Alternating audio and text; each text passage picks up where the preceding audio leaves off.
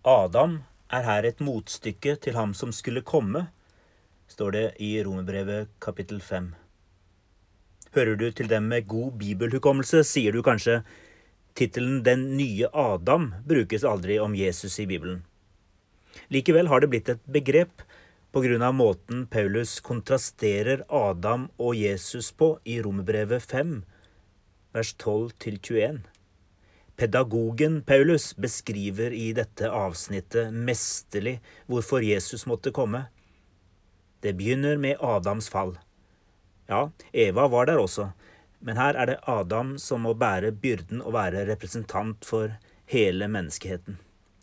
På et tidlig stadium i vår historie kom synden inn i verden. Med synden kom døden. Og slik rammet døden alle mennesker fordi alle syndet, sier Paulus. Selv om Jesus er Adams motstykke, er det ikke snakk om likeverdige størrelser. Her er det ingen balanse i regnskapet. Paulus sier med nåden er det annerledes enn med fallet. På grunn av den enes fall måtte de mange dø. Men nåden, Guds gave, er noe uendelig mye større. Den gis i overflod til de mange på grunn av nåden fra det ene mennesket, Jesus Kristus.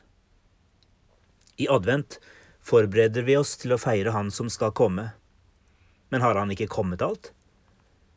Og likevel handler advent også om at Jesus fortsatt trenger å komme og ta bolig i oss. De gamle kloke snakket om at vi både har den gamle og den nye Adam inni oss. Den nye er født. Han levde, han døde og sto opp igjen for vår skyld, for å gi oss en ny identitet. Den som tar imot den nye Adam som herre og frelser, får en ny begynnelse. Den gamle er der fortsatt, men nåden er mye større.